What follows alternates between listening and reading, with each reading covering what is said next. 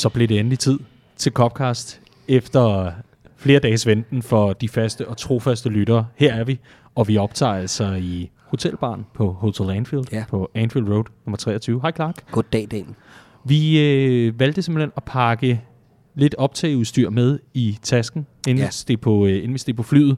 Og så tænkte vi, vi, vi, vi tager og optager den uges Copcast i Liverpool i stedet for. Og det skyldes jo lidt, at øh, Andreas Brøns Riese var lidt øh, arbejdsramt med noget messekonference. Ja, noget Ja, der var noget, hvor sluttidspunktet bare ikke gav nogen mening i forhold til at få optaget på vores øh, nye første optagsdag, øh, optagedag. Men det kan vi tage lidt senere. I hvert fald så tænkte vi, Copcast skal ud, og Ja. derfor så, øh, så pakkede vi altså tungt, og, og her sidder vi så og optager. Jamen, vi kan jo også bare tage den med det samme, fordi øh, vi, vi prøver at omrokere lidt i forhold til at, øh, at få vores hverdag til at gå op. Øh, og, og derfor så bliver ny optag i dag formentlig tirsdag øh, Mm. på, på Copcast, øh, så det hele ligesom kan, kan sættes ordentligt i system, og vi kan, vi kan få, få planlagt vores, vores dagligdag ordentligt, så vi ikke snubler over os selv og, ja. og diverse gøremål. Øh, så, så, så det er egentlig planen, men, men lige her, efter den omstrukturering, så skal vi lige have plottet nogle ting i kalenderen med, med Andreas, øh, så Ja. ja. alt også spiller sammen den vej, så vi ligesom kan mødes. Og, øh, og det Ja. er vi ved at få gjort, så forhåbentlig fra næste uge der har vi en ny fast optagelse. Fuldstændig. Og øh, så kan man jo også sige, at øh, for nogle år siden valgte vi jo at øh, lave lidt om i Copcast, i og med at øh, vi tidligere, der tog vi jo og, øh, og gav os selv den regel, at vi havde et fast panel, og det var det, vi gik med. Ja. Og øh, til det, der var det en lang periode, der er mig, med, med enkelte gæster ny og næ. Men, men øh, til sidst så valgte vi simpelthen at sige, at vi skulle også have Andreas Brøns Riese med. Og det er jo en tilføjelse, vi har været rigtig glade for. Vi har været glade for vores øh, setup i, i rigtig lang tid. Men vi vil også gerne holde fast i det, og det betyder altså også bare nogle gange, at man bliver nødt til at ændre lidt i tingene, sådan så man kan blive ved med at have de samme tre til at lave. Ja. udsendelserne. Ja. Så derfor så øh, bliver tirsdag altså formentlig en ny optag i dag. Vi håber, at øh, det bliver accepteret vidt og bredt, og øh, uanset hvad, er der ikke så meget at gøre ved det, fordi det bestemmer vi. ja, lige præcis. Vi sidder på Hotel Anfield, og vi sidder her dagen efter, at Liverpool er avanceret fra gruppespillet i Champions League. Vi var til stede på The Cup og så øh. Ja. Liverpools jamen, dominans mod øh, Atletico Madrid, og det var en altså pragtpræstation, synes jeg, på rigtig mange parametre. Øhm, jeg synes i forhold til, hvor svært et hold det er at spille mod Atletico Madrid, at vi både fik noget revanche for lidt det omvendte opgør. Jeg ved godt, vi vandt ned i Madrid her i, i den første øh, kamp i gruppespillet mod, mod dem, men, men jeg synes et eller andet sted også, at vi viste, at vi var øh, ovenpå på rigtig mange parametre. Især måske endnu, øh, endnu, endnu bedre illustreret ved, øh, det røde kort, som, øh, som Atletico Madrid de får. Altså den her måde med, at de simpelthen taber kampen fuldstændig på grund af en, en blanding af noget arrogance og noget optændthed. Det, øh, det er simpelthen kamp over for dem. Ja, altså, jeg synes bare, vi har lært rigtig meget af, af- de kampe, vi spillede mod Atletico Madrid sidst, i forhold til netop det temperament, vi møder for, for det hold. Jeg husker en Sadio Mane, der blev, øh, der blev trynet ned i Madrid i, i den første kamp i, i de her 8. finaler lige før corona, øh, hvor han også er tæt på at blive smidt ud. Vi så lidt samme situation i går, med Liverpool går ikke med på det. Liverpool lader sig ikke tabe kampen over for dommeren, lad sig ikke komme i modvind, øh, for, forvent tingene til egen fordel ved at øh, have en ro og en, en afdæmpethed og et fokus på sig selv og på eget spil. Øh, man lader sig ikke distrahere, man finder sine egne øh, styrker frem og, øh, og, og, og lad, ligesom, lad ligesom dem om at være de, øh, øh, de, de ja, hvad siger man, øh, udisciplinerede og, øh, og, og lidt barnlige i flere situationer, ikke? Og, og, og, og så gør vi vores ting, og vi gør det med dignity, og vi gør det med, med den klasse, som jeg synes, Jürgen Klopp bare har implementeret på det her hold. Fordi en af de ting, der er så usagt omkring det her Liverpool-hold, det er altså, at vi hvert år vinder Fairplay-prisen i, i Premier League. Øh, Øh, og ja, tillykke med den pokal, kan, kan mange hold, øh, eller andre holds fans måske sige. Det er ikke så meget med det at gøre, det har bare noget at gøre med, at det her hold, du ser ikke nogen af spillerne gå ud og tage på hovedet. Du ser ikke nogen gå ud og lave svinestreger. Øh, vi, vi, vi taler ordentligt, vi opfører os ordentligt, vi er sportslige, øh, og vi vinder på en rigtig fed måde, og, og det kan jeg godt lide. Og selvom Jürgen Klopp siger det her omkring Sadio Manes udskiftning i går, at, øh, at, at han, han hader det og sådan noget, så var det den rigtige beslutning, fordi det er ikke altid, selvom Mané, som Klopp også beskriver, virkede rolig og afdæmpet ned i omklædningsrummet, så er det også om at, at, at, at kende til begivenheden, han befinder sig midt i. Han befinder sig midt i et, et, et, et show, hvor at Atletico Madrid-spilleren vil gøre alt for at tige ham, og vil gøre alt for at få dommeren over og, og påvirke ham til at smide Mané ud også, øh, efter alle de her situationer, der har været i kampen. Så det var jo den, den rolige, afdæmpede og øh, øh, beslutning, som ikke var påvirket af alle mulige følelser og alt muligt andet. Det var en professionel beslutning, det var den rigtige, fordi omstændighederne kunne have gjort, at vi mistede en mand mere, og det gjorde vi ikke.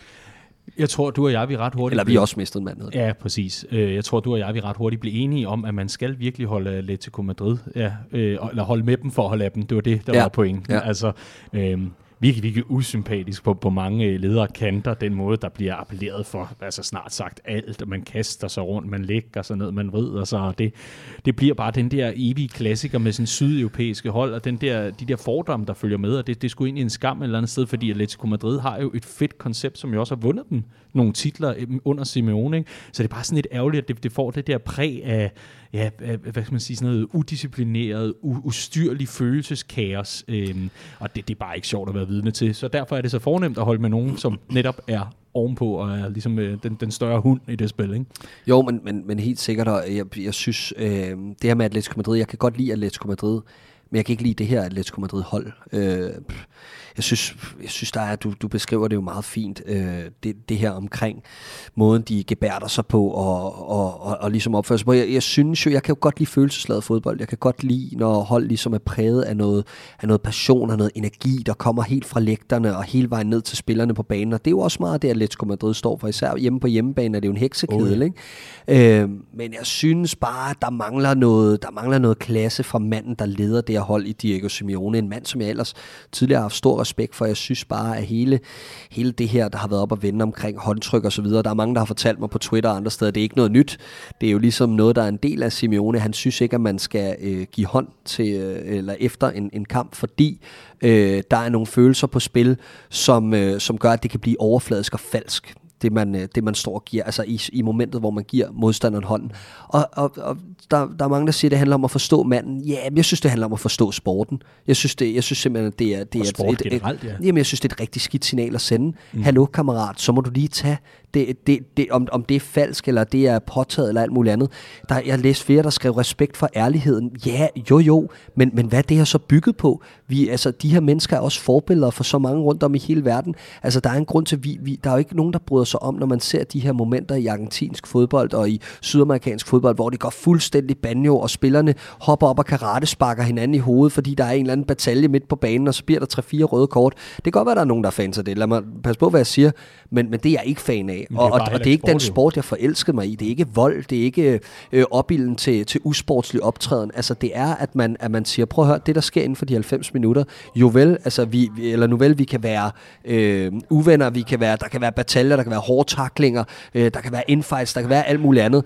Men der er den grænse, der hedder, at når der bliver flot af efter de 90 minutter, så var det en, en, en, en dyst mellem to professionelle setups, eller mellem to konkurrerende setups, og så siger vi tak for den dyst, og tak for kampen, fordi det indrammer ligesom det, vi har omkring sporten, og den alle andre ting, altså alle andre sportsgrene, altså de der maratonfinaler, der nogle gange kan være i, i Wimbledon eller i andre tennisturneringer, der går man jo stadig op til nettet og lige giver hånden tillykke med sejren, og så kan man ellers gå ned ja. og, og, og destruere et omklædningsrum, hvis man er rasende, ikke? Mm. Eller politiske debatter, der ser du stadig to præsidentkandidater, eller to statsministerkandidater, eller hvad ved jeg, stadig lige giver hånden og siger tak for debatten. Det kan godt være, at vi er rygende uenige om alt fra ja. økologi til klima til ja, skattetryk, hvad ved jeg, men vi giver hende stadig en anden hånd. Jeg synes bare, jeg synes bare, det er skønt et eller andet sted at kunne se tilbage på det her gruppespil, og så bare kigge på fire rene sejre nu, og så kan man simpelthen selv vælge at vrage i forhold til, hvordan setupet skal være i forhold til det ja. kampprogram, der kommer. Men ikke mindst, at man får vasket den plet af, som det var at ryge ud til Atletico Madrid, inden pandemien den øh, brød ud for alvor. Ja, og på den aften, hvor at alt nærmest slukkede ned herhjemme, og hvor at skulle den kamp være spillet, og det, ja. det var sgu lidt skamfuldt, det hele omkring oh, hele ja. den begivenhed, og det, det, det, det var bare en mærkelig aften dengang tilbage i marts mm. 2020, hvor vi røg ud til Atletico Madrid. Så helt sikkert, ja. jeg er enig. Vi sætter dem på plads. Vi vinder ude over dem øh, i, en, i en svingende kamp, må man sige. Men her der satte vi virkelig øh, sat yes. vi streg under, at vi er bedre end Atletico Madrid. Øh, vi, vi har mere klasse end Atletico Madrid. Mm. Øh, vi er øh, vokset med opgaven. Jeg synes, det går den rigtige vej på nogle helt centrale parametre, som er netop det her med at, at styre den her trup i den rigtige retning, også når det kommer til temperament og de her store aftener, hvor de store følelser også spiller ind. Der synes jeg, vi har den rette temperatur. Mm. Helt enig. Øhm, gårdsdagens kamp, øh, kan man jo lige sige, fordi øh, vi deler jo gladeligt ud af os selv, og hvor de oplevelser, vi får i forbindelse med Liverpool, både i Cupcast, men altså også i Redman Family. Det var min første kamp på The Cup. Det har jeg aldrig prøvet før. Det var den ene ting. Og den anden ting var, jeg har heller aldrig været til øh, europæisk fodbold på Anfield. Nej. Jeg har kun været til Premier League-kampe. Det var godt nok en stor oplevelse. Hold ja. nu op. Øhm, et er, at man, man står og sådan sveder lidt ved hænderne, når man skal til at bippe sig ind med de her øh, nye mobilbilletter, øh, som, øh, som man altså skal, skal bruge i scannerne ved indgangen osv. Men at komme ind og se det, når jeg har været vant til, øh, man kan sige, den ombyggede mainstand og så videre. Jeg, jeg har været vant til, at man nærmest kan bestille nachos med, med mobilen, ikke? og så få dem ja. ned til sædet. Det der meget moderne fodboldturisme, øh, og så komme ind til, til selve kernen af Liverpools historie, kan man jo mm. sige. The Cup og alle de fortællinger, man har læst, alle de historier, man har hørt fra både ældre fans, men altså også fans, der måske har haft øh, familiemedlemmer eller andet, som har hjulpet dem ind på, på lige præcis den her tribune. Det var en kæmpe oplevelse. Ja. Og, og, og det var også en primus motor i forhold til stemningen på stadion generelt, oplevede jeg det som, hvor jeg jo tidligere netop har været på langsiderne rigtig meget. Øhm, der, der, der, der kunne jeg godt mærke det der med, at det, det var her omdrejningspunktet var i forhold til at føre holdet frem. Så det var også en fantastisk oplevelse. Det tror jeg, man har prøvet, om man har i, i hjemlige danske fodboldhistorier, hvis man har stået på den ene eller den anden ende tribune i, i, i Superligaen for eksempel, og godt kunne mærke, hvem er det, der bærer, bærer sangene og stemningen frem. Og prøve det her med Liverpool, det var virkelig, virkelig stort. Og måske også derfor, jeg ved ikke, om stemmen lige er en oktav dybere i dag, eller er lidt mere rusten og så videre, men, men øh, kæmpe, kæmpe oplevelse, og jeg kan næsten ikke vente med at komme tilbage. Øhm, nu, nu håber jeg ikke, at jeg, jeg er blevet bit af sådan en gal øh, kopbacille, så jeg aldrig nogensinde, hvis, øh, hvad hedder det sådan noget, øh, sådan, så, sådan så det aldrig øh, bliver, bliver sådan, at, at jeg, jeg, jeg vil kun være der. Ikke? Nå, ja. øh, det, det, vil være, det vil være det værste, der kunne ske. Ja. Fordi det vigtigste er at skulle bare være til stede, men øh, sikke en oplevelse, mand. Ja. Hvor, hvor mange gange har du været på det kop egentlig nu? Det var tredje gang. Ja, det var tredje gang. Hvordan, hvordan var din første oplevelse? Hvad var det for en kamp? Øh, Everton, øh, før pandemien. Åh, oh, den er fed. 5-2. Øh, det var også, det var også vanvittigt. Øh, ja, fantastisk oplevelse, og den seneste var, øh, var til, øh, til AC Milan i den første kamp i gruppespillet, og det kan bare noget helt specielt, og European Night i det hele taget. Det er sgu lidt lige meget, hvor man sidder øh, på, på Anfield. Det, er, det, det kan bare noget, og altså, temperaturen i går var ikke øh, særlig høj, skulle jeg helt sige her i Liverpool. Vi sad i pre-match her på Hotel Anfield, og, og da vi sad udenfor øh, i starten af aftenen, der vil jeg sige, der, der var der en lille smule køligt, ja. så man blev lidt grundkold, men, øh, men da vi kom ind på Anfield, der stod jeg der i t-shirt, da, da, da, da kampen ligesom øh, Og du er ellers kuldskær. Jeg er meget kuldskær. Så altså det, der, der sker bare et eller andet helt intenst inde på Anfield til de her aftener. Jeg husker flere øh, øh, andre European Nights, hvor jeg også bare har, har måttet smide tøjet, selvom det var i marts eller ja. april måned, ikke, øh, til de her aftenkampe, hvor det bestemt ikke er varmt. Så der er et eller andet omkring hele begivenheden, hvor taget bare løfter sig, og det hele bare bliver sådan en heksekedel. Øh, det, er, det, er, det er sgu unikt. Det er det absolut. Hold nu op. Uh, The Cup What a place. Uh, det, uh, jeg ved ikke, om min aske skal strøs ud over der, men... Uh, jeg tror, der er mange, der vil blive kede af. Kan vi gøre, det, når der, kan vi gøre det, når der ikke er kamp? Præcis. det er Reds have godt... Hvad fanden er det? Så står du med posten. det vil være klasse. Det ja. vil faktisk være klasse. Et eller andet sted. Den lille sidste fornærmelse her var, hende, der, hende stiller sig af skoene. Det er ja. eller efter primært går ud fra. Det andet vil være underligt. Men, øh, men øh, status er, Liverpool er videre i, øh, i Champions League, og som etter, uanset hvad der sker. Yes. Øhm, Fuldstændig ja, fantastisk situation. Men, men ja, altså uanset hvad der sker, videre som etter. Og, og det betyder jo også, at øh, der venter et øh, forår med europæisk fodbold, og det er bare så vigtigt for Liverpools selvforståelse. Og jeg synes et eller andet sted også, det er dejligt, at vi kan blive fri for den der finale kamp. Jeg ved godt, at der er nogen, der sidder nu måske med en, en billet, der er lidt mindre værd, end den var, da man købte den i forbindelse med de sidste to kampe. Det kan være, at der er nogen, der, der skal en tur til San Siro, for eksempel, ja. og, og, og se uh, AC Milan mod Liverpool. Uh, og, og det kan igen være, at der er nogen, der skal til den sidste kamp mod, mod Porto i, i gruppen. Ikke? Altså, det, det er lidt ærgerligt. Om en rækkefølge, men ja. Ja, undskyld. Ja. Men, øh, men pointen består, yes. at øh, billetterne i hvert fald er, er mindre værd ikke? Øh, på, på den front. Måske men, sportsligt. Men, der kan man få lov til at nyde Origi og, og Minamino fra start. Ikke? ja, man får Carabao-kopholdet. Ej, det ved jeg så ikke, om man gør, fordi som Klopp også siger, så betyder de her kampe ret meget for klubben økonomisk i forhold til, at man bliver belønnet per sejr øh, i gruppespillet. Øh, og det var også derfor, vi så ham stille øh, mærkeligt stærkt op i sidste års ligegyldige sidste gruppespilskamp i Herning mod FC Midtjylland, som kostede kostet dyrt. Så han luftede lidt tanken efter gårdsdagens kamp, at det kunne godt være, at det blev stærkere, end folk forventer øh, med de her startopstillinger, netop af den årsag. Men øh, Ja, så, altså uanset hvad, så synes jeg, der er en vibe omkring det. De, øh, de spillere, der får chancen i øjeblikket, øh, går ind og har en sult. Jeg synes ikke, vi ser nogle Liverpool-hold, der kommer ind og er fuldstændig afmattet, og hvor man tænker, når ham der, han har det ene ben ude af døren. Så, så jeg vil ikke, øh, jeg kan sælge den for dem, der har billet på, at, mm. at, at det, de her drenge kommer ikke til at skuffe jer. Altså, øh, jeg synes, man ser Minamino og Rigi i øjeblikket gå ind med en energi, der er på, at vi vil gerne bidrage, vi vil gerne tættere på den her startopstilling. Og det kan godt være, at kvaliteten ikke er til det, men der er sgu hjerte bag de her drenge, og også bag en masse af de unge spillere. Så jeg er helt sikker på, at, øh, at det nok skal blive en oplevelse uanset Minamino, der scorer mod Atletico Madrid, men øh, målet øh, annulleres jo selvfølgelig, fordi Diogo Jota har sparket hovedet af en eller anden inden i situationen. Det var, det var en lidt voldsom situation, men, men, ja. øh, men, men man kan i hvert fald glæde sig til det. Der, der er lige et par punkter i, i forbindelse med øh, ikke bare kampen mod Atletico Madrid, som jeg egentlig synes, vi er forbi nogle dejlige mål. Øh, Trent Alexander-Arnold op på hvad? Er det ni, ni Champions League assists?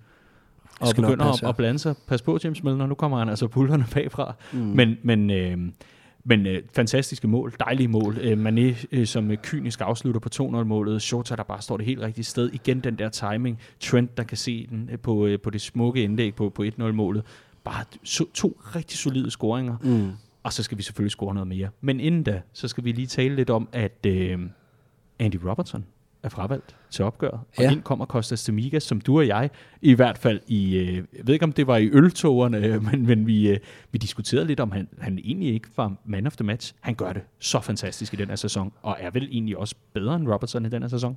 Ja, nå, det synes jeg, han er øh, indtil videre. Early days og alt det der. Øh, og Robbo kommer fra en, fra en hård slutrunde i sommer og spiller hele tiden for landsholdet. Og han får aldrig rigtig fri, Andy Robertson. Øh, og det tror jeg også præger hans, hans niveau i øjeblikket. Han, han var en af de eneste stabile figurer i sidste sæson, da alt faldt fra hinanden i den defensiv. Øh, var tilgængelig hver gang, og øh, selvfølgelig dyppede, øh, dykkede hans præstationer allerede der.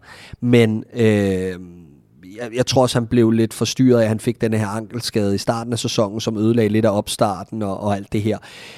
Jeg tror, han vil have godt af den her konkurrence, der kommer nu fra Timikas. Jeg ved ikke, om jeg synes, han var man of the match, og jeg synes, Trent kvæg sine to oplæg var helt fantastisk, men jeg synes eddermame, at han havde mange aktioner, hvor han, altså, hvor han netop formåede at sætte sin mand, og, mm. og ikke bare, du ved, lade sig, lade sig rive med, og så slå en eller anden bold i blinde. Hans indlæg er jo fantastiske, så når han går udenom en mand, og når han vælger at slå den ind, så er det med kvalitet hver gang. Vi så også til sidste kamp, at han blev valgt på dødboldene, fordi Trent ikke øh, lige havde den fornødne skarphed til at slå den over første mand på flere af, af hjørnesparkene. Øhm, så der blev han også valgt på dødbold, og jeg synes, hans indlæg er, er fantastiske. Øhm, og det er bare en øh, det er rigtig god, god timing, synes jeg, at vi, at vi får en mand ind nu, der reelt, øh, det her med, at jeg har nævnt det tidligere, Klopp er dygtig til at skabe bredde indenfra, og nu har vi den bare igen, sådan en situation, hvor, hvor han har skubbet en mand i position til nu at, og puste Robbo lidt i nakken. Jeg synes, det var en fed provokation over for Robertson at, mm. at starte til Mikas her sammen med i godsøjne øh, A-holdet. Fordi så kunne Robertson sidde derude på en, en af de største Champions League-aftener i, i efteråret, og så kunne han sidde og kigge på A-holdet, hvor han ikke var en del af det, og prøve at høre, det gør ham kun sulten. Han er jo ikke typen, der kommer til at sidde og hænge med hovedet og tænke, åh, skal jeg noget andet i karrieren eller noget som helst. Det er jo det, der er så fedt ved det her setup, vi har. Det er, at Klopp, han provokerer ham jo med den her øh, udtalelse af Timikas frem for ham. Og nu bliver det spændende at se på søndag, fordi har han spillet sig af til Mikas? Det synes jeg bestemt ikke, han har. Du nævner, har han været bedre i det her efterår? Ja, det har han vel nok. Øhm, og jeg synes, hans offensiv output er fantastisk. Så længe han har Van Dijk ved siden af sig nede bag, så er der ikke noget at være bekymret for på den led. Så altså, jeg er sgu der, hvor jeg tænker, øh, giv ham den kamp på søndag også, og så lad os se, hvad Andy Robertson bruger den landskampspause til, mm. og hvordan han kommer ind til, øh, til en, en, en sindssygt vigtig periode på den anden side, som jo blandt andet byder på et helt vildt intens juleprogram og alt muligt andet. Der tror jeg, han vil have godt af at have lidt ild i røven og, øh, mm. og komme flyvende ud. Ja, absolut. Øhm, det, det, vil, det vil kun klæde Liverpool. Igen, det der med, når, når der er den her konkurrence, når vi får nogle alternativer. Klopp elsker det også selv. Mm. Han, han, han har jo flere gange netop nævnt det her med, jamen, når, når, når jeg skal begynde at, at forholde mig til den slags luksusproblemer, så har jeg det godt som ja. manager. Ikke? Og, og man kan jo så sige, at inden for de i hvert fald sidste, seneste kalenderår, og hvis ikke bare det seneste fulde år, de sidste 12-13 måneder har Liverpool jo været forbandet af skader, og er ved at blive ja. det igen stille og roligt nu. Mm. Ikke? Men så er det trods alt meget rart, at vi har de små succeshistorier breddemæssigt. Ja, ja. Øh, og så på en position som venstre bak. Ja, hvor vi vel aldrig rigtig har haft det før i nyere tid. Nej, altså, det er, ikke, det, ikke hvad jeg kan mindes. nej, jeg, jeg altså, sad også virkelig og, og vi har, vi har skulle prise os lykkelige, hvis vi har skulle øh, have en situation, hvor vi overhovedet havde en god fedt venstre bak i de sidste 20 år. Altså, nu har vi haft nogle år, hvor vi har haft det Andy Robertson, men førhen har det jo været, altså vi skal jo tilbage til sådan noget John Arne Riise i de bedste år af hans Liverpool-tid, og det var jo ikke mange år. Altså, han gjorde så også på kanten i nogle sæsoner. Øh, vi skal tilbage til Fabio Aurelio, som havde nogle sæsoner, men hvor han var ekstremt øh, skadesbladet. Mm. Øh, og vi har ikke rigtig haft den der stabile situation omkring vores, øh, vores venstre bak, og den har vi bare nu med, med to sindssygt solide bud på, på et førstevalg i øjeblikket, i både Timikas og Robertson. Gårdsdagens kamp var også øh, comeback til øh, et, et par spillere. Øh, Fabinho tilbage. Mm. Det er pyntet. Essentielt at få ham tilbage. Fantastisk fodboldspiller. Øh, det, det siger sig selv. Men øh, også en genkomst til Thiago. Altså, Ja. han er vidunderlig. Jamen, det er som om hver aflevering, han slår en dans. Altså, det er, jeg elsker at se ham spille fodbold. Men, men, men jeg har det også sådan lidt, hvor, hvor afleveringsspillet godt kan blive sådan lidt mekanisk og lidt, øh, ja, mm. lidt, lidt trivielt øh, langt hen ad vejen.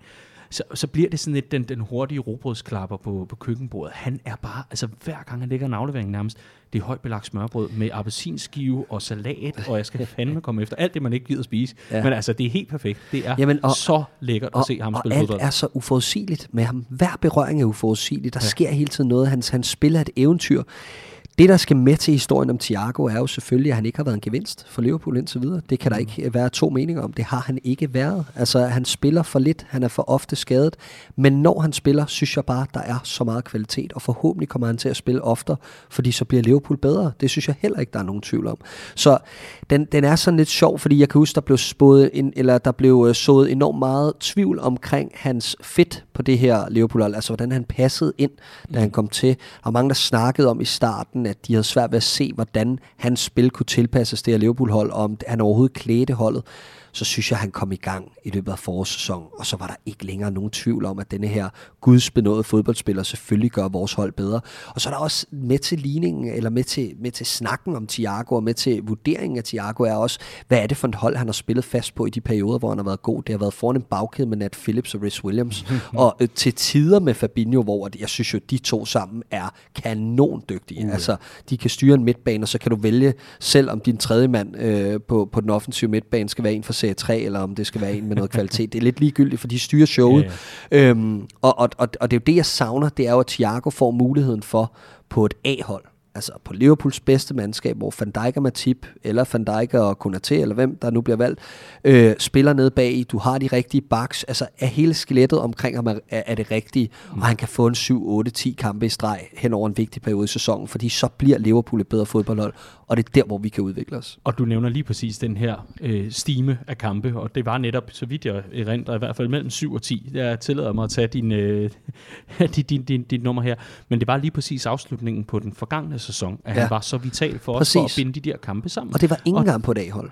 Og det var, nej lige præcis, det var det. Det var Ja. ikke engang på et A-hold. Men, men det er mere i forhold til, det er bare en vigtig sidenote i forhold til, har han været en gevinst for Liverpool? Ja, på nogle områder. Jeg tror sikkert på træningsbanen har han også været med til at Ja, ja, ja. hæve niveauet og være med til at lave den omstilling, vi har set for Liverpool. Taktisk, stille og roligt rykke sig hen til at have nogle flere udtryk på banen, i stedet for at være øh, alt for nemme at, øh, at dæmme op for offensivt, som vi jo også så var vores helt store udfordring. Ikke? Jo, og problemet er også, at han, han blev også bedt om til tider at spille en rolle, han ikke skal spille for det her Liverpool-hold, fordi med til øh, beskrivelsen af Thiago hører også, at han er en risikabel spiller. Og det er han, selvom han er 30 år, så ligner han nogle gange ind på netten. I starten af hans Liverpool-karriere havde han store problemer med disciplinen i forhold til, du skal ikke flyve ned i taklinger konstant. Du skal ikke hive i modstanderen hele tiden. Du skal ikke være overilet, når du ikke er på bolden. Det er den ene ting. Den anden ting var, at han blev spillet som sekser meget i begyndelsen, som enlig sekser, når vi manglede Fabinho og Henderson. Og det er heller ikke der, hvor Thiago skal spille for Liverpool. Der er Premier League bare en anden størrelse, og han har nogle, øh, nogle chancer, han tager i sit spil. Vi ser det også i aftes, øh, hvor han, øh, han på et tidspunkt lige øh, er lidt for længe på bold, og så mister han, Atletico Madrid er tæt på at score på et kontrastød. Øh, så han har de her, han har de her risk, øh, risks i sit spil, hvor, hvor han lægger sit spil rigtig, rigtig højt op, og, og det kan godt blive dyrt en gang imellem, men så længe vi har Fabinho til at tage fra, så længe skelettet er det rigtige omkring ham, så bliver den risiko minimeret, og så får vi alt det gode ud af Thiago, og det er det, vi skal have meget mere af, øh, som jeg ser det, og så er der også bare det i det, når han er så skadet, som han er, så er han også et lille stykke tid om at komme i gang. Han er ikke typen, yes. Der bare går ind og spiller på topniveau fra dag 1. Og det synes jeg er en lille bekymring i forhold til, at han spiller så sjældent, som han gør. Han har lige siddet seks uger ude. Hvor længe går der så, før vi får ham i gang igen? Og hvor længe går der, før vi mangler ham igen? Mm. Øhm, så det er det, jeg mener med, at det er, det, det er lidt uoverskueligt i forhold til Thiago omkring... Øh, jeg, jeg, jeg synes ikke, at der kan herske to meninger om, at, at den Thiago, vi forventede, da vi fik ind, den har vi ikke fået. Øhm, hans, hans topniveau er dog ekstremt lovende, og forhåbentlig kan han minimere mm. sine skader herfra. Der, der er nogen et eller andet sted, der sådan, jeg, jeg, jeg kan høre sådan et, et ekko af Navigator et eller andet sted ude i. Og det er jo det, vi håber, han ikke bliver. Ikke? det håber vi ikke. Og stakkels Navigator igen. Altså, bliver vi jo nødt til at tale om også, ikke? Det, jeg, jeg synes, vi har haft den her snak. Øh, jeg tror, vi har haft den 52 gange. Jamen, jeg, jeg synes jo, at den, de 10 dage omkring Atletico Madrid ude, øh, United ude og mm. Brighton hjemme, øh, ja, det er nok 10-11 dage eller sådan noget. De kampe, de tre kampe opsummerer Navigators Liverpool-karriere til perfektion. Altså, øh, spil, laver et suverænt mål nede i Madrid, er en del af et fantastisk kvarter, vi spiller der. Øh, udgår, fordi han taktisk ikke helt er in tune med det, der foregår, bliver overspillet et par gange i nogle situationer, er en del af en Liverpool midtbane, der, det hører også med til historien, der laver udskiftninger hver kamp, fordi mm. vi, vi hele tiden får skader, øh, og, og derfor brydes rytmen, og, og, og, og det så vi bare, det har vi set været udslagsgivende nogle gange, men det så vi især nede i Madrid, så han bliver offret i pausen. Søndag mod Manchester United spiller han vel nok sin bedste team for Liverpool mm. nogensinde. Øh, laver et øh, kampafgørende moment allerede i starten af kampen, hvor han scorer. Øh, laver det her. Det her, som vi har skrevet på. Løb fra midtbanen ind i feltet. Øh, øh, er netop den her spiller, som vi, vi, vi håber, han kan være. Øh, lægger op til mål, er en del af, af, af, af øh, høje boldbrydende aktioner. Øh, var bare en all-action 8 for Liverpool. Det er det, vi gerne vil se for Navigator. Øh, udgår skadet øh, bliver så klar øh, på mirakuløs vis til Brighton-kampen, mm. øh, og øh, alt ser godt ud, og så går han ud med en ny skade. Altså, det hele er bare så ups and downs, og problemet er, at det her Liverpool-hold blev bygget på Klopp bygget et fundament af soliditet omkring nogle spillere, der havde en meget, meget lav skadesfrekvens. Spillere, der kunne spille hver gang, så du kunne sætte et skelet og bygge op omkring noget øh, øh, kontinuitet, bygge op omkring, at spillerne kendte hinanden, kendte deres opgaver. Vi har det her fællesskab af en smal trup, det kan godt være, men vi kan alle sammen knokle, vi kender alle sammen hinanden til øh, punkt og prikke, og derfor så kan vi opnå noget specielt sammen. Problemet er, som vi så i sidste sæson, når du skal ud og skifte en hel bagkæde fra gang til gang, så påvirker det også midtbanen.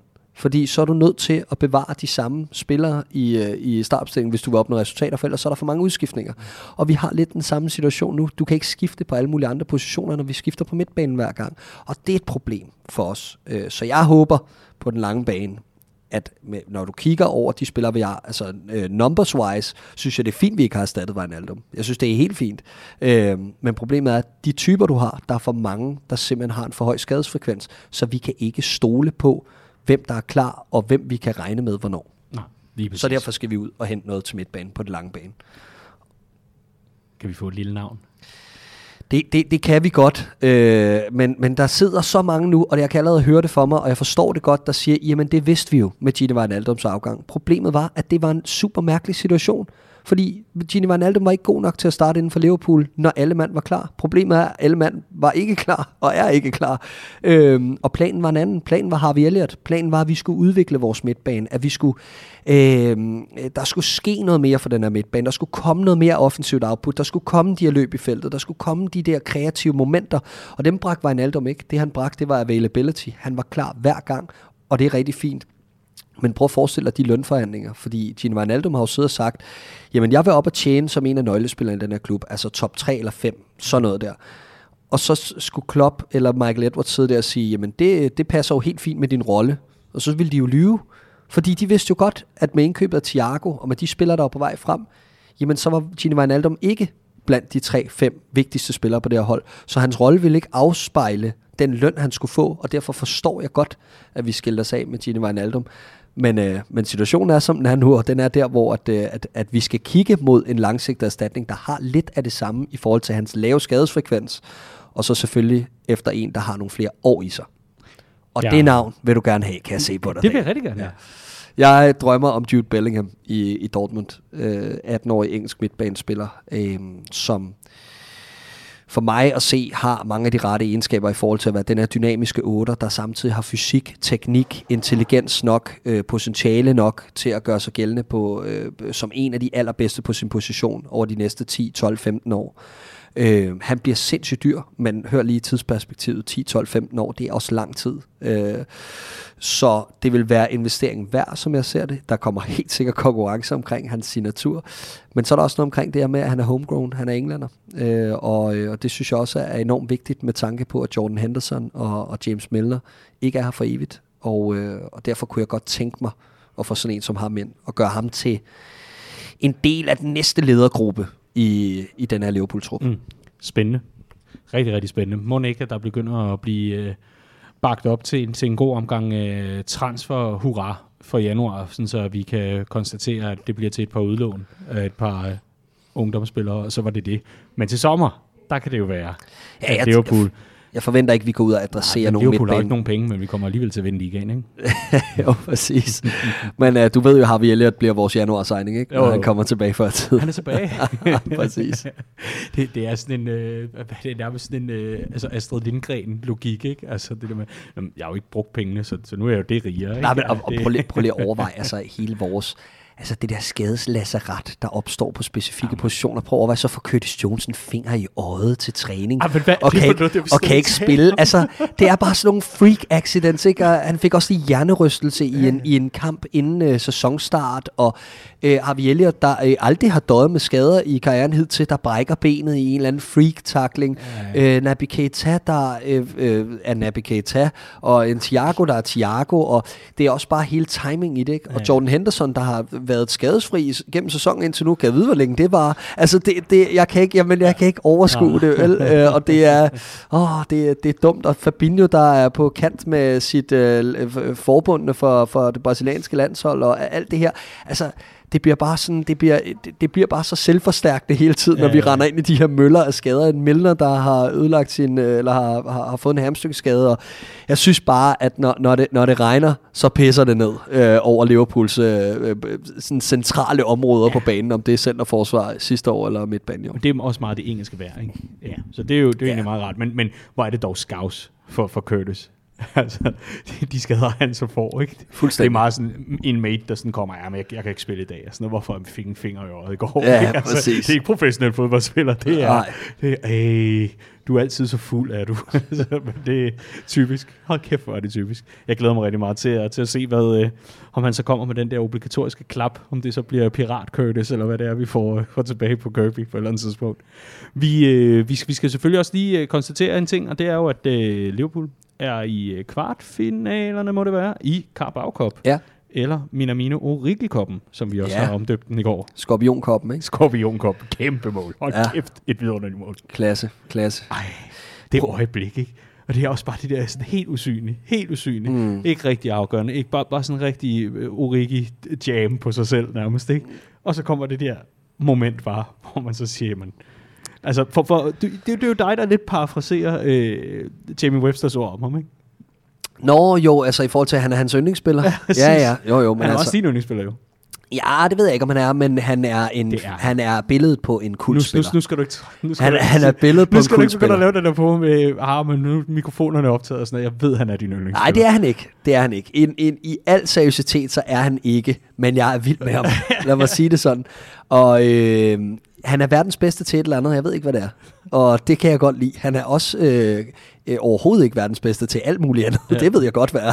men, øh, men, øh, men han har et eller andet over sig, og øh, jeg kan godt lide, at vi stadig har ham, og det er jeg ikke den eneste, der kan, fordi for dem, der oplevede kampen på stadion i går i hvert fald, øh, kan jeg fortælle, at han sang gjaldet flere gange ud over ja, The Cup, øh, både ved indskiftning, også da han tog bolden fra 35 meters afstand og kylede den cirka lige så mange meter over mål, ja, ja. Øh, ned mod The Cup, der slugte bolden. Ikke? Ja. Der kom han sang også. Ja, altså, så, så de, de, de var ude at hente den om bag baggården på det park. Ikke? Ja, præcis.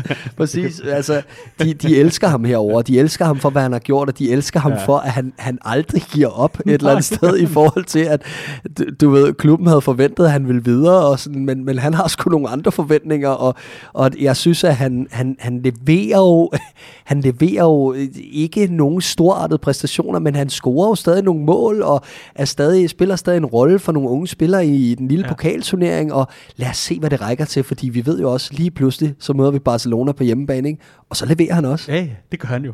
Og vi ved ikke med hvad, men, men det gør han. Ja. Men, men Minamino og Origi er sådan lidt, altså det er jo, det, det, det, er, jo, det er jo lidt en, en, en serie. Altså det, jeg, jeg forestiller mig sådan... En politiserie. Ja, ja, Der er lidt Chris Rock og øh, Jackie Chan over, der er der ikke? Rush Hour. ikke Chris Jo, det var Chris Rock. Ja, var det ikke det? var ret. Ja. Du hørte det som The Rock. Så Ja. ja. det er ikke. Men det er Origi. Han er The Rock. det er Chris Rock, du har ret. Nej, det er det da ikke. Er det ikke? Nej, det Nå, Hvad er... fanden er det så? Hvad, hvad fanden er det, han hedder? Kan jeg ikke huske. Det- Det, er så mange år siden, at du må lige google. Ja. Ind på IMDb. Hold, hold den lige kørende her. Det. Jeg skal I finde ud af. Øhm, det er ikke Chris Rock. Det er heller ikke Dave Chappelle. Uh, Nej. Heller ikke uh, Bill Cosby. Det er med, det er godt. Det er god podcast, det her. Ja, det er rigtig, rigtig godt. Nu- Nu er det filmhjørnet. Rush Hour. Ross Hour. Det er også det der spil. Det er slet ikke Chris Rock. Er det ikke Chris Nej, Rock? det er der ikke. Hvad fanden er det? Nej, nej, jeg synes også... Ja, nu er internettet Nå. selvfølgelig dårligt. Ja, ja. Ja, ja. Nå, jeg kommer med et svar på, hvem det er lige om lidt. Det Ja. kan være, at vi kan få, øh, det kan være, at vi kan få Peter i tale her fra, Ja. fra Hotel Anfield, fordi ham skal vi jo alligevel have ind over. Det kan være, han kan hjælpe os.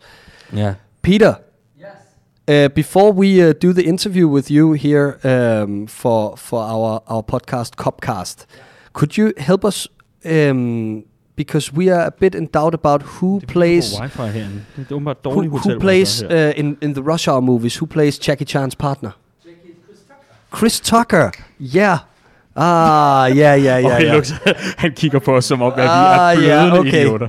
We thought it was Chris Rock. Okay, yeah. Of course it's Chris Tucker. Okay, super. Så fik vi det. Chris Tucker is one of those that used to be like known for five minutes and then went downhill quite fast. Jeg ved ikke, om folk får fat i det, Nej, men, men, men han, der kom en øh, forklaring. Det var, det var en forklaring, eller han er, lidt, han er lidt en af dem, der blev en døgnflue. Øh, Ja. ja. Lidt mere end 5 minutes, men, men han, han og, fik og, en og ikke så meget Origi over det, kan man sige. Nej, det er rigtigt. Nej. Nej. For Origi er for evigt. Og, og tilbage til pointen, som var, at der er lidt sådan en partnerskab over. Origi, han er Ringenes Herre Director's Cut Extended Edition. Han er de der 16 timer på Blu-ray med kommentarspor og en ekstra tur rundt om Mordor og hjem i herredet, og jeg skal ellers komme efter dig. Origi er for evigt. Det er, det er klasse. Vi skal have Peter over, synes jeg. Og så skal han Ja. have lov til at, at få en mikrofon her. Uh, what are you doing, mate? Ah, nej. No? Do you have time? yes. Yeah. Come and have my um, microphone. There you are. Hello, Peter. Hey gents, how are you doing? We're doing fine. We're doing fine. We're, we're here at your beautiful hotel. For dem, der ikke kender P- Peter, så er han jo øh, ejer af Hotel Anfield, vores stamsted her i Liverpool. I'm just doing the introduction in Danish. Understood Um, every word. Ja. øhm, og, øh, og vi havde fornøjelsen af i går at, øh, at være her og varme op til kampen, og vi har fået rigtig mange tilbagemeldinger fra øh, andre danskere, der har været her til andre kampe og varme op, øh, blandt andet til Brighton-kamp i weekenden, hvor der var fantastisk stemning, og, øh, og flere har altså benyttet både denne her fantastiske gårdhave, der er på Hotel Anfield, men også øh, det her sådan festtelt, hvor der bliver spillet musik inden kampene, og hvor man blandt andet har The Ragamuffins, øh, musikeren David, øh, til, at, øh, til at spille alle de kendte melodier øh, for os, når vi kommer forbi. And, uh, and we had the pleasure to be here yesterday, Peter. And um, it's, it's, it's, it's just so fantastic to experience all the things we spoke about, what could be and what, what, what could be the future of, of this partnership with the with the Redmond family and the Hotel Anfield. Now, finally, yeah, just it happens. Yeah, it happens. Yeah, it's so tell so us about it. How is it? It's a, it's a whole new world for us. All we've ever known since we bought it was obviously being shut down, and then um, and then uh, this world under Corona where you had to sit six people around a table, and it just was different. And there was no there was no traveling supporters. It was all locals, which don't get me wrong, they have carried us through the pandemic, and they've been fantastic, and we'll always remain loyal to them, just like we are, we are loyal to you guys. But it is nice to have the European or even transatlantic uh, LFC supporters slowly coming back. You know, it makes it gives it that um, that something special. You know, it's Yeah. nice. Fantastic. Um, and just to zoom out how's it been to like start the season under yeah normal circumstances? People going to the ground, watching the game at Anfield again, not just coming here to watch the game, but also doing the warm up things here, going to the ground, coming back. And how is it on match days here? Can you tell us a little bit about what's going on here on a, on a daily basis and and how it is? Yeah, it's um, it's a, a, a it's it's a whole new world for us. So at about 15 minutes at the very latest. At the moment with the ticket situation, sometimes half an hour before the game, it feels like a fire drill. like everybody is running out and needs to get to their seats in the ground. And obviously during Corona, they stayed with us to watch the game. Hmm. I mean, we still have got like Man United away. We had a very I must say, somewhat unexpected, hilarious party going on after that result. You know, with um, even For the, obvious reasons. Yeah, the lads that went the game, they came back in a bus. Uh, and then joined us a bit later, and, Da- and David was meant to sing for an hour, and then he ended up doing three or so. So I had to throw him a few more envelopes with cash in, so he stayed. But no, in all seriousness, it's it's it's very special. And what's really funny is we now know you hear that Liverpool scored obviously sooner than what you see it on the screen. But during Corona, you heard nothing from the stadium. But now you hear the roar again, and it is absolutely phenomenal to have it back. You know, see the people go in anticipation, see the people come out uh, happy like last night, and to hear the roar uh, when you score is just uh, it's it's fantastic. Brilliant, brilliant. And for for those who might not know much about what's going on here, you have a few people um, in house. You have like David we spoke about before from the Ragamuffins, but you also have James Pierce Yeah. who who comes here once in a while. Yeah, absolutely. In fact, I'm going to have a beer with him tonight. Ah, brilliant. he lives down the road from me. That's where Liverpool really. If you are here for the first time, it might seem like a big place, but if you've been here three, four, five times, you realize actually Liverpool, in a geographical and in a metaphorical way, is a village. So Yeah. you can really meet all the people that kind of matter in whatever community you are in um, quite easily. And yeah, James obviously has got a monumental following from his days back at the Echo. And uh, we are really happy to have him with us uh, on a regular basis. So so far, um, we we are we have kind of just asked him to come um, and be here and mingle. But going forwards, he's going to do like post-match analysis in the bar 23. So the party outside with David singing, the next game on the big screen, and in here in the bar, uh, he will sit down with some people that are interested and talk talk business, so to speak. You know. Hmm? Nice. Do you ever take the time to go for some matches yourself? I, I just Um, feel so bad about all the anticipation and the happy people, and then you, you sit here just waiting for the roar from all of us. That's uh, since I've got two young kids, uh, I have gone exponentially less than I used Oh. to. Yeah, because now I have to share my life not just with the wife and the football and the business, but with the kids as well. So um, yeah, I go occasionally. I used to go much more often in the past, um, but um, it's it's been a little bit less since I've got this business. And during Corona, you have to you have to, I mean, you'll know that from back home. The regulations that the government gave you, like under which circumstances you are allowed to trade, what are the rules and how tight they are, and how they were enforced, what the penalties were. We were under so much scrutiny. Um, obviously, you've seen some of the videos online. Maybe occasionally there was one or two rules we didn't stick to quite as tight as we could have. Yeah, but um, we got we got you know we got away with it, whatever way you want to look at it. But it was very stressful. So to go to to to go to the game even since like I'm just happy that we are here now, fu- you know, full. Uh, with people such as yourselves finally getting to come again, you know. Yeah. Let Yeah. me enjoy that, and then I go the game again next season. Okay, okay, that's yeah, that, that, that sounds like a deal. But but Peter, have you uh, have you met some Danish people here? Some Danish uh, Liverpool fans? Yeah. You've been talking to them. What what are they saying? Um, I don't understand them because they speak Danish, you know. to you No, as I'm well? only joking. No, okay. No, no. Uh, of course, you know we've have uh, we've got um, a, a couple of um, a two Danish lads, uh, Kasper and his mate. They have relocated to Liverpool for a few months. Unbelievable. Shout out. They are a little bit. They are a little bit like Hero, our Japanese mascot, uh, um, who came from Japan here only to basically uh, come when the pandemic hit and never went a game for many many months. But anyway, so those lads they are here basically every game. But yeah, it, since we reopened, it started really. Which game was it? Very recently, like we've had big groups of of the of the Redman um, Denmark uh, every time. So yesterday I spoke a lot with uh, with Peter mm-hmm. and his uh, and his friends um, who are going to be back here for the Arsenal game. Yeah, and yeah, it's um, it's exciting, you know. Us as well. We're going we're going for that game as well. Yeah, can't wait for it.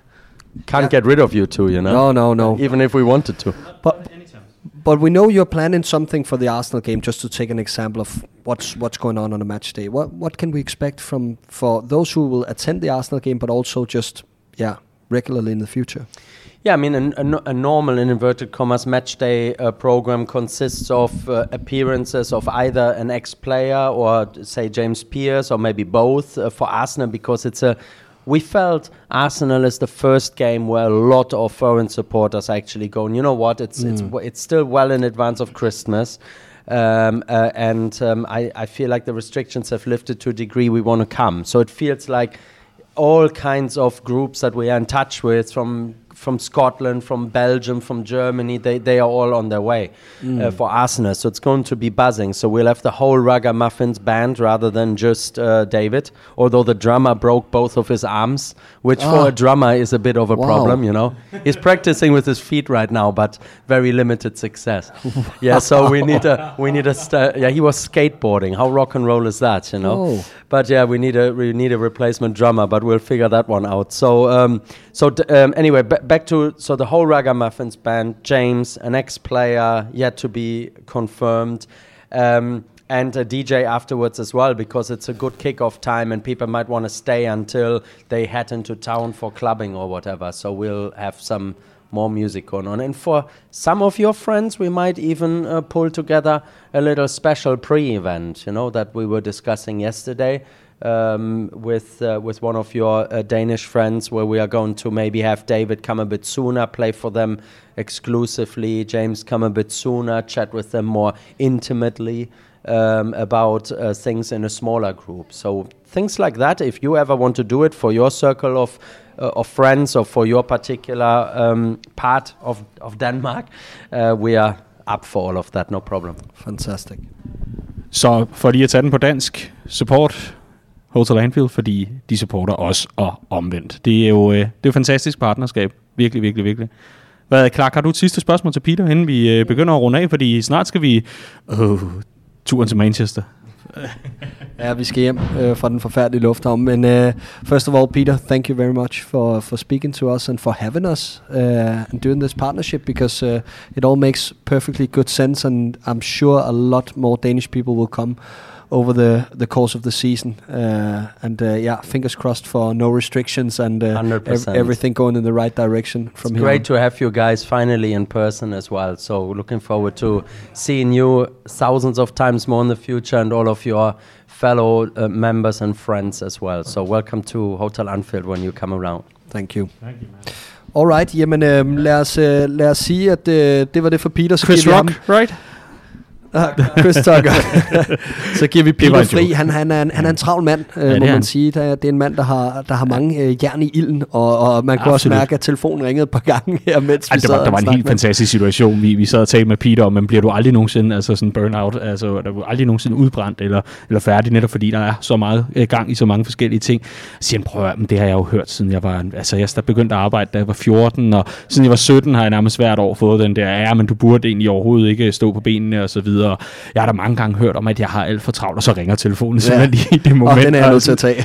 lige præcis, så indkapslet det hele situationen. Ja, ja. Men det er jo netop, øh, hvor langt han vil gå for det her, øh, ja. og har virkelig knoklet Helt sammen sikkert. med partneren Alan, som altså... Øh, han er local. Ja, han er local. Det er han. Ja, og, og det er Peter også. ja, men Peter er jo tysk, men han har boet her i ja, noget, der ja. ligner 17 år, ikke? Og for dem, der ikke har mødt ham, øh, kom ned på hotellet, han er altid klar til, ja. at, øh, til ja. at tage en sludder for en slag. Lyshåret med, med stridthår, og så et par øh, ja, gode briller. Ja. Sort stel. Det burde ja. være til at, at se. Og så tæsker han rundt enten og, og ordner ting, eller taler telefon og så videre. Virkelig anbefaling. Kig forbi, og øh, han sad også, øh, inden vi gik på, og, og talte lidt om, at ah, nu vil han gøre mere ved udsmykningen ved indgangen. Der hænger i forvejen et grotesk stort banner med et Bill Shankly citat på og så videre.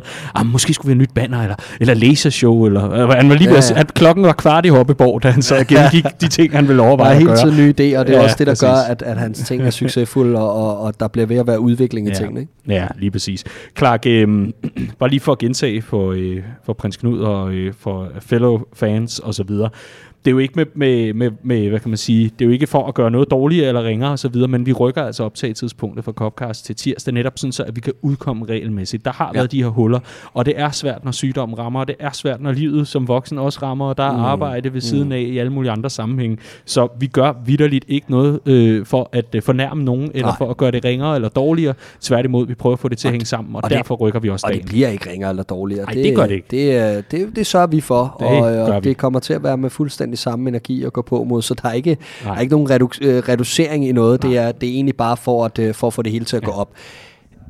Ja, kør. Jamen, jeg kom bare til at tænke på, nu, Du, du sidder og peger på mig. du sidder også og peger på mig. Ja, du gør jeg. men, men jeg, jeg skulle bare til at sige, at nu var vi igennem en masse kampe øh, og Mm. gennemgange før fra, fra den forgangne øh, periode her. Mm. Men øh, vi, vi sprang jo en lidt over, ikke? Synes du det? Ja, det synes jeg lidt. Og Ja, men vi har kan ikke helt komme Carabao udenom, ikke komme udenom den Brighton-kamp, kan vi det? Nej, det kan vi jo ikke. Øhm, og den kommer vi, øh, den kommer vi til... Øh, ah, lad os tage den. Jeg bliver bare så dårlig humør. Fordi, hvad er det? Jeg, jeg synes simpelthen, vi spiller så forrygende, og så bliver vi øh, dillerdaller. Altså, det bliver bare noget Jeg, sjask. jeg tror heller ikke, vi behøver at gå så meget i dybden med detaljerne, i, altså lige så teknisk, som vi gjorde med, med, med kampen i går, men, men jeg, jeg tror bare, der er en overordnet pointe for mig, der hedder, at, at vi skal passe lidt på, at vi ikke øh, luller os selv i søvn indimellem, fordi jeg synes egentlig, at vi øh, ganske modsat et hold som Manchester United, vi er jo faktisk modsætninger på mange måder, men, men så er vi sådan et hold, der kommer rigtig godt ud. Vi, øh, vi starter rigtig godt, rigtig ofte, synes jeg. Ja. Øhm, og, og, og brænder en masse energi af, kommer foran i den her kamp også. Øh, en, en kamp, der har et kampbillede, der ligner meget det mod Atletico Madrid på udbanen. Vi kommer foran meget tidligere, ligner jo et fuldkommen flyvende og fantastisk fodboldhold. Og så går vi i stå. Så mister vi fuldstændig initiativet, og en del af forklaringen er jo helt sikkert alle de her udskiftninger på midtbanen, som bryder rytmen, mm. og som gør, at, at der ikke er den samme øh, forståelse for hinanden inden centralt på midten, og gør, at vi bliver overspillet i nogle sekvenser, synes jeg, især omkring løb fra midtbanen, øh, var det helt skidt mod Atletico Madrid. Jeg synes også, det var skidt mod Brighton, øh, og øh, i, især i anden halvleg. Mm. Øh, og det er en del af forklaringen, men, men en anden ting må også være oven i hovedet på spillerne, fordi det, led, det lader til, at man simpelthen bare giver slip, og man, man lige lægger nogle procenter, laver nogle individuelle blunder og, og, og, og uprovokeret fejl. Nu snakker vi kampen i går, jeg synes faktisk, altså hvis ikke de får det røde kort af Atletico, så er vi ikke langt fra samme situation. Jeg synes i anden halvleg, at vi har en situation omkring Thiago, som vi snakker om før, der mister bolden uprovokeret. Virgil van Dijk til sidst, der smider en aflevering lige op i fødderne på en, på en modspiller helt uprovokeret. Og det er sådan nogle ting, hvor at jeg tror, øh, øh, hvis, vi, hvis vi snakker det her med at være bagklog og, og omkring transferaktivitet og sådan nogle ting, så er det sådan noget, jeg måske savner allermest fra en potentiel ny signing i sommer. Det er, at der er en, der går ind og løfter barn. Der er en, der går ind og har noget sult og agerighed, som de andre måske helt naturligt ikke har på samme niveau længere, fordi de har vundet ting med Liverpool. Ja. Der er bare brug for, at man lige frisker tingene op en gang imellem, og der kunne jeg godt have set, at i sådan nogle kampe her, at man havde en, en, en, en ny otter, eller man havde en, en ny offensivspiller, der gik ind og havde noget at gå på mod, som du kunne sætte ind i de her situationer. Men det er også, det er også, det er også at, Ja, at, ja. at pille det, eller at, at sætte problemet op på noget, som, det er whataboutism. Altså det er, måske kunne Ja. det have løst det og alt det her. Nej, det, det er jeg ikke sikker på, men det er i hvert fald et, et bud på en forklaring. Men jeg synes egentlig også, at når man, øh, når man går ud til det her opgør, øh, som man gør øh, mod, mod Brighton og kommer foran 2-0, jeg synes et eller andet sted godt, man kan lave en lille parallel i forhold til det opgør, som Manchester City spiller mod Brighton, hvor man også kommer på 2-0 og ejer dem. Altså fuldstændig mm. i den første halvleg, de spiller i deres interne opgør. I anden halvleg ender den 1-1, så altså kampen ender 3-1. Øhm, og det er bare det, man har lært fra Brighton under Graham Potter. Det er helt generelt, men også især i den her sæson de stopper ikke med at spille fodbold, bare fordi de er bagud. De, mm. de lægger sig ikke ned. De begynder Nej. ikke at spare. De begynder ikke at gå væk fra øh, hvad hedder det, koncepterne. De går ikke væk fra det taktiske oplæg. Tværtimod, så moser de bare endnu mere på. Mm. Og jeg synes simpelthen, det er nærmest kriminelt, at Liverpool lader dem komme ind i det opgør på den måde. Mm. Fordi vi ved, at der er nogle, øh, nogle hold, som knækker mentalt. Vi kunne se Manchester United. Der var ikke noget comeback øh, undervejs overhovedet. Øh, og kampen var også lukket, inden Paul Pogba bliver smidt ud. Altså, det, det, det, det taler for sig selv, den her kamp kamp. En fantastisk oplevelse. Men, men det er, det er altså kriminelt fra flere af de ledende spillere inde på banen, at man slipper tøjlerne med det her opgør mod netop Brighton, som vi ved er notorisk kendt for at spille til sidste minut og sidste sekund. De får uafgjort mod Crystal Palace i deres øh, lidt øh, mystiske motorvejsderby øh, ned, ned på, på sydkysten. Ikke?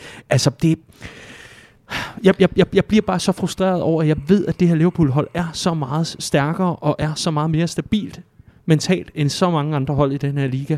Og hvis vi skal op og være en del af det der mesterskabspush, og det skal vi, der er ikke noget, der er tabt, men det er en åndssvag, øh, en åndssvag snublen øh, lige nu, og jeg synes, det bare fortæller, fortæller sig ind i en lang række af uafgjorte kampe, eller af, af, af kampe, hvor vi har lukket vores modstandere unødvendigt ind, netop fordi, at vi er begyndt at slække lidt på det. Altså, og du, du havde en, en glimrende gennemgang i uh, podcasten øh, uh, PL-showet, som vi laver hver uge om uh, Premier League, hvor du egentlig lister meget godt op, så vidt jeg, jeg erindrer det i den udsendelse. Du erindrer, jeg ved ikke, hvor mange kampe, hvor Liverpool i den her sæson begynder at slække lidt på det, og så kommer modstanderne ind. Ja, men og der, der er jo Brentford-kampen, hvor vi får en to gange og, og smider det. Der er Atletico Madrid-kampen, som jeg nævner før, der ligner Brighton-kampen, hvor vi er heldige, at Atletico får et rødt kort, og vi får et straffe med os til sidst.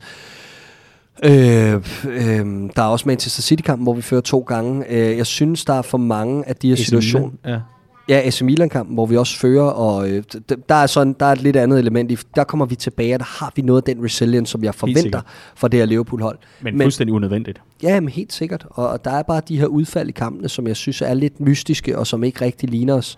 Øh, og så savner jeg bare, jeg savner, at, at vi, vi får det lidt den anden vej rundt, altså det, fordi det, det er som om, at, at den er lidt vendt rundt fra, at vi førhen fik de sene mål. Øh, vi havde den der edge i os. Vi havde den der, som jo er en del af at, at vindergenus hold. Og jeg kan huske, at jeg snakkede om min store bekymring for det her Liverpool-hold, var måske, at den her vindermentalitet var nedbrudt.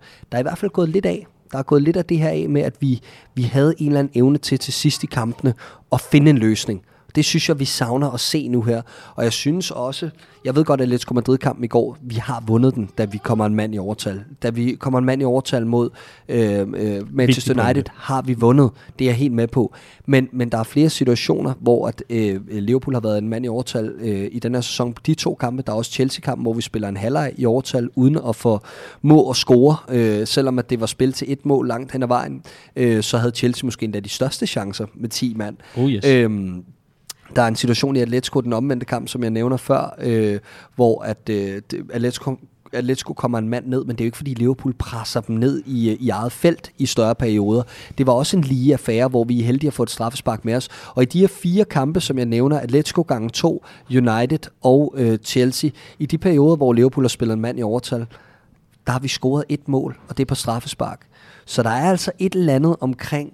Øh, jeg, jeg ved det ikke helt, men der er et eller andet omkring øh, vores, vores evne til at dominere kampene og sætte os mm. på spillet, som er en lille smule off, synes jeg. Og jeg ved godt, den er lidt for simpel, den her analyse, fordi kampbillederne har været forskellige. Altså, øh, da vi, da vi tager til Old Trafford, vi fører 5-0, da vi er en mand oppe. Altså, der er ingen grund til, at vi jagter mere.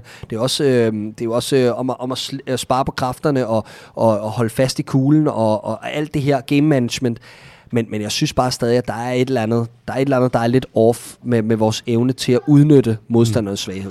Ja, og så synes jeg, så synes jeg i allerhøjeste grad også, at det, det er også et Liverpool-hold, hvor man må sige, at de bærende kræfter jo også lidt hver især har haft deres bekymringer. Øhm, Joel Matip har været for mig den absolut største oplevelse som centerback i den her sæson. Mm. Øh, har været over Virgil van Dijk, som er tilbage, Enig. er på 90 procent, vil jeg, vil jeg sige. Jeg synes stadig, at Virgil van Dijk, han, øh, han, han, han, han mangler den rytme øh, i, i, i sit spil, som, som gør, at han er usårlig. Altså, mm. vi mangler lige præcis det ja, sidste lag. Øh, den der øh, nærmest øh, gudeagtige indsats, han, han kan ligge kamp efter kamp efter kamp, og du ved, hvor han er. Og det er ikke for at tage noget fra, at han spiller glimrende opgør. Det mm. gør han, men han spiller ikke til 10 lige for tiden. Nej. Og han spiller ikke til 9. Han spiller til et 8-tal måske. Og så en gang imellem, så falder han lidt længere ned.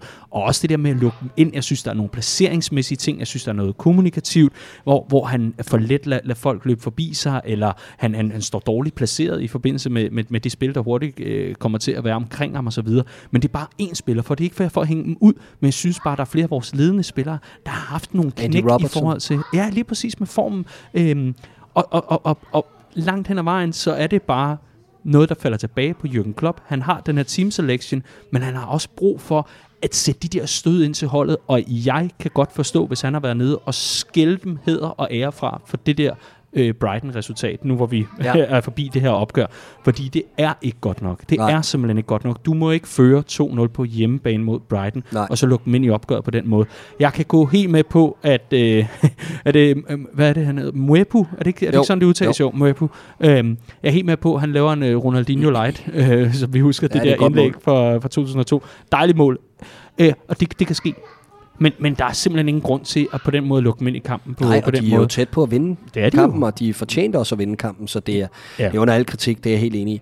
Øh, perspektiv og alt det der. Liverpool, yes. øh, vi sidder her og, øh, og revser vores hold, som jo er ubesejret i 25 kampe i streg i alle turneringer, og som ikke har tabt ja. Et halvt år, øh, og, øh, og som har gang i, jeg tror det er den næstbedste stime i klubbens historie i forhold til ubesejrede Ja, kampe. Jeg tror, man er fem kampe for at slå klubrekord på, på 30. Så det er, jo, det er jo overhovedet ikke helt skidt. Vi er jo inde på, at vi kvalificerer os til Carabao-koppens øh, øh, kvartfinaler har en hjemmekamp der. Det vil sige, at vi, er, vi har det ene ben i semifinalen. Øh, ja, ja, bank under bordet og alt det der. Men det er med et reservespækket hold hos en klub, der ikke har nogen bredde, for vi jo at vide øh, konstant. Øh, så det, det, er jo, det er jo et godt tegn. Samtidig er det et super fint tegn, at vi har, vi har jongleret med nogle forskellige spillere, især på midtbanen af helt åbenlyse årsager, som er øh, skader på, på, på centrale positioner, eller hos centrale spillere i, i, i den kabale. Men vi har jongleret med spillere i Champions League, har 12 point for fire kampe, maksimum point, er videre på den første plads med to kampe igen, hen mod et hektisk program, hvor vi skal bruge masser af kræfter på at, at hænge ved i toppen af Premier League, hvor vi er eneste ubesejret hold. Eneste ubesejret hold i Europas fem største ligaer, i både Europa og øh, domestic sammenhæng. Ja. Der er gang i noget rigtig spændende på er der. hold. Når vi sidder og snakker om, hvad vi er skuffet over det ene og det andet, så er det fordi, vi kender potentialet. Vi ved, hvad det her hold kan løftes til. Vi har set 1920-sæsonen. Vi har set øh, Champions League-runnet i 18-19, og vi vil bare gerne have mere af det der og fortsætte momentum, fordi det ved vi, at det her hold det kan. Ja, lige præcis. Øhm, det er jeg lige præcis meget, meget enig i. Det er sådan lidt en, øh, det, det er en sjov, øh, og det, det, man, man kan sige, en sæson er en sæson, men, men hvad er fortællingerne om de forskellige sæsoner? Og mm. jeg, jeg synes langt hen ad vejen også nu, at, at det, er, det, er en, det er en sæson, hvor man samtidig begynder at lave de indledende øvelser til sådan øh, en transition, ikke? Altså nu, nu skal der udvikling i forhold til klubben, og, øh, og ja, i det hele taget, så er det jo bare en, altså som jeg plejer at sige til dig i, i, i nyerne, uanset øh, hvilket, hvilket vejr det er, eller whatever, altså tænk, tænk at være fodboldfan og ikke holde med Liverpool. Ja, men helt det, må være, det må være en underlig tilværelse. Men øh, jeg, jeg er bare lykkelig over at se Jürgen Klopp med det her mandskab, og det han har fået ud af, af materialet, og vi filosoferede over det over en gang natmad, ikke? Øh, i, i nat, hvor, hvor, vi, hvor vi talte lidt om, at det er seks år siden, han kom til. Mm. Og, og, og hvor, hvor blev de første tre år af? Ja, ja. De er sådan forsvundet, ikke? Jo, det er, Øh, øh, jamen, det er bare ja. helt vildt. Altså, det er gået så stærkt. Det er næsten skræmmende, ikke? Jo. Så man skal huske at nyde det, og det er Ja. også derfor, at når, vi- når vi revser, så gør vi det kort og præcist, og så skynder vi os væk igen, og mm. skynder os bare at elske at holde af Liverpool FC. Og nu sidder vi her i, ja, i byernes by, i hvert fald når det kommer til Liverpool, og øh, er godt indkvarteret her hos øh, Hotel Anfield, der har været så sød at stille noget, noget te til rådighed, sådan så vi kan passe lidt på stemmerne og, og være klar til, ja, til endnu en omgang Copcast i, øh, i næste uge. Vi har bedt om nogle billeder af birdies, øh, Clark, øhm, og øh, det, det må jeg, du, du sidder og siger, det, det tror jeg nok øh, må udgå. Det, det, det må jeg nok erklære enig i. Det gør vi for den her gang. Det, det, det er altså noget, vi lagde op til, før vi vidste, at Riese skulle på messe eller konference, eller hvad det var. Øhm, men øh, der, er, der er noget ros rundt omkring, øh, både til Harvey Elliott for nogle rigtig fine øh, billeder og historier, der har været omkring nogle unge fans. Han har taget sig lidt af med, med trøjer og autograf. Ja, han er vidunderlig. Han er så, altså, Altså- to the bone, bare en fed spiller. Altså. Fuldstændig. Meget, fed meget, person, meget og- velopdragen. Og meget, øh, Og meget forstående i til forhold de der til... sådan, øh, støttebilleder til andre spillere med sygdom og Mm. alt muligt andet, og er bare en del af klubben hele meget tiden. forstående i forhold til, hvad der kræves af en ung spiller, øh, i forhold til attitude og i forhold til øh, determination, altså hvad, Ja. hvad, det, hvad det kræver for at imponere og overbevise om, at, at man er gjort af det rette stof. Øh, jeg synes ikke, det virker påtaget. Øh, det synes jeg er rigtig, rigtig vigtigt at understrege. Mm. Øh, jeg synes virkelig, at han virker velopdragen og, og, og, og ordentlig. Og sulten, ikke mindst. For både at komme tilbage, men også for at, at at vise sig frem, altså at vise, at han har klub-DNA, og, og, og, og vise, at han, at han forstår, hvad der skal til Præcis. for at slå igennem i, i den klub, han elsker og har elsket, siden han var en lille dreng. Lige præcis. Og det var altså Mads Bues øh, Bella her. Andreas Sten Rasmussen har en Bella, der hedder kæmpe fed pre-match stemning på Hotel Anfield, og det var i forbindelse med Brighton-kampen, har vi regnet os frem til. Øh, dejligt at høre, at der er nogen, der også har haft øh, gode oplevelser i, i, i forbindelse med, med det opgør, andet end selvfølgelig selve kampen og resultatet. Øh, nu skynder jeg mig lige at komme, øh, komme over på vores Facebook-side. Nu kører her du lidt med- Bella og Birdie alligevel. Ja, lidt, fordi, men det er fordi, jeg synes, det, der, var sådan nogle, der var nogle gode nogen, så vidt Ja, jeg kunne. Altså, øh, før der gik øh, Pines i den, så, øh, så husker jeg, altså, der var nogle rigtig, rigtig fine bud i, i den her uge. Øh, Birdie, der er ingen grund til det. Øh, Bella fra Michael Schmidt om, at Mané er på vej tilbage. Mm-hmm. Synes Ja, jeg også begynder, ja, ja, ja. begynder for alvor at være noget. øh, og så er der øh, Morten Groths Divock Origi nominering. Han giver jo pludselig Salah kamp øh, om årets mål. Det synes jeg også er rigtig, rigtig godt. Underlig scoring. Men det var altså øh, nogle, nogle, nogle af de, øh, nogle af de bæller, vi har valgt i forhold til øh, vores lynhurtige Bella og Birdie. Og vi har jo lige præcis haft øh, udkig til øh, Bella og Birdie. Nu begynder min telefon at, at snakke. Hold op. Super. Øhm, vi har lige præcis øh, holdt øje med, med Bella og Birdie hernede i, i byen i dag, og mm. fået god morgenmad og været rundt og, og gå. Ja. Og, og så, som vi også talte om på taxaturen fra øh, selve Liverpool by, hvor vi øh, har hængt ud med, med Gustav og Kasper, nogle af de her to gutter, som Peter han nævnte tidligere, skud ud til dem for at øh, låne værelse og en, og en seng til os, sådan så at øh, vi ikke øh, skulle overnatte på den lokale McDonald's. Men øh, da vi tog taxaturen herud til, til Anfield-området, så, så talte vi lidt om, at øh, efter ombygning og alt det herude, mm. der er bare noget, noget enormt hyggeligt og, og rart ved at være ude omkring området her, og omkring stadion, dagen derpå, efter en, en kamp. Absolut. Der er sådan en, en dejlig ro, og især når, når Liverpool har vundet, er, der, altså, er der også et overskud mentalt til lige at Ja. tage sig turen rundt og, og have, det der, øh, have den der ja, bare glædesfølelse i kroppen. Og, mm. og på sådan en dag som i dag, hvor solen heldigvis skinner over, øh, over, over Liverpool, jamen så, så kan det også bare noget helt specielt. Det kan øh, så helt klart anbefalesværdigt, hvis man har tid, når man er afsted, så, øh, så tag en gåtur øh, dagen efter kamp, lige komme ud og mærke, at... Øh, at, at ja, hvad det er for et område, at få, få suget detaljerne til sig, fordi på kampdag, der sker der så meget Præcis. omkring en, og man har måske nogle gøremål, man skal over på en eller anden pop, eller man skal i shoppen, eller man skal et eller andet, men, ja. men prøv lige at få clearet skemaet, hvis man har mulighed for det, når man er afsted, og så, så tag den gåtur enten ind i Stanley Park, mm. hvor man jo også kan komme over til, til fjenderne, eller til, til rivalerne på den anden side, man man vil fra, et, et, fra et, et godt grin lige over og kigge på Ja, Goodison, og det så skynde sig Det er lidt ligesom at se luksusfælden, ikke? Det, det, folk, folk gør det sådan lidt for at få det bedre med sig selv, tror jeg. Evertons diverse poster har jeg ikke lyst til at se, lad mig sige det så. Præcis. Så øh, I forbindelse med det her med at øh, gå rundt ved stadion øhm, og så videre, der vil jeg jo gerne øh, slutte af, herfra i hvert fald, med at sige, det er jo dejligt at være i Liverpool. Det er skønt. Vidunderligt at komme over og, og mærke det der med øh, ens, ens fandom eller andet sted. Det her med øh, kulturen omkring at, at være fan. Og, og der må jeg sige, at øh, det, det er jo bare vidunderligt. Det, det er klart en billede herfra. Men min Bertie, som... Øh, min Bertie, som jeg selvfølgelig lige må, må, må smide som på en sidste note, den går altså til Liverpool-shoppen. For jeg troede, jeg skulle ind og have Liverpools øh, diætist øh, og, og chefkok, og hvad pokkeren hedder, Mona Nemmers nye kogebog, fordi at dig, mig Riese, jo skulle i køkkenet og lave øh, Liverpool-retter vi må Det havde de simpelthen Nej. ikke derovre. De havde alt andet. Øh, Ja, ja, ja. Andy Robertson lærte at cykle bogen. Øh, jeg ved ikke, hvad de havde derovre. Alt andet. De havde alt andet end Mona Nemmers bog og udebanetrøjen. Det, det er rigtigt. Ja. Det er helt vildt uacceptabelt. Kæmpe birdie herfra. Ja, enig. Clark, øh, jeg kan nærmest høre dytten fra vores, øh, vores taxa, der skal tage os til uh, Manchester. Ja. Øhm, så skal vi ikke bare sige det det, og så øh, vender vi tilbage til øh, hjemlig kår og Jo. jo. laver en, øh, en copcast, som, øh, som mor lavede den en gang i, i næste uge. Vi glæder os. Det gør vi i allerhøjeste grad. Tusind tak til, øh, til dem, der har lyttet med, så, øh, så længe det var muligt. Vi øh, vil på forhånd gerne beklage, hvis øh, der har været barnegråd og øh, larm og øh, elkedler, der er kogt og alt muligt andet. Men sådan er det altså, når man er on the road og har glemt hovedtelefoner, sådan, så man Mm. kan sidde og mixe det ud og så videre. Ja, sådan er det. Vi Men øh, vi håber, den kommer i land. Vi mangler et lille hurtigt fremkig mod på søndag, hvor Liverpool møder West Ham. Ja, øh, jeg synes, i du skal London. have lov til at, at nævne de pointer, du har i forhold til det. Jamen, Og så tager jeg en til. Jamen gør det. Øh, nå, men jeg- jeg har egentlig ikke så mange andre pointer, end at øh, da vi går ud fra, eller da vi, da vi går fra banen mod Brighton i lørdags, der havde jeg en meget skidt fornemmelse omkring, hvordan næste uge skulle gå, fordi jeg netop så det her sløseri, som vi har snakket om. Øh, jeg så skaderne håbe sig op endnu en gang på, på midtbanen. Øh, jeg synes ikke, at der var tegn til noget øh, lovende i forhold til, hvad for en formation vi kunne øh, øh, simpelthen mønstre mod Atletico Madrid, altså hvem der kom tilbage fra skader og sådan noget. Og her er vi få dage senere, så kom Thiago og Fabinho tilbage på træningsbanen, så kom de begge to i aktion mod Atletico Madrid. Liverpool havde et andet udtryk, jeg synes vi så mere solid ud defensivt.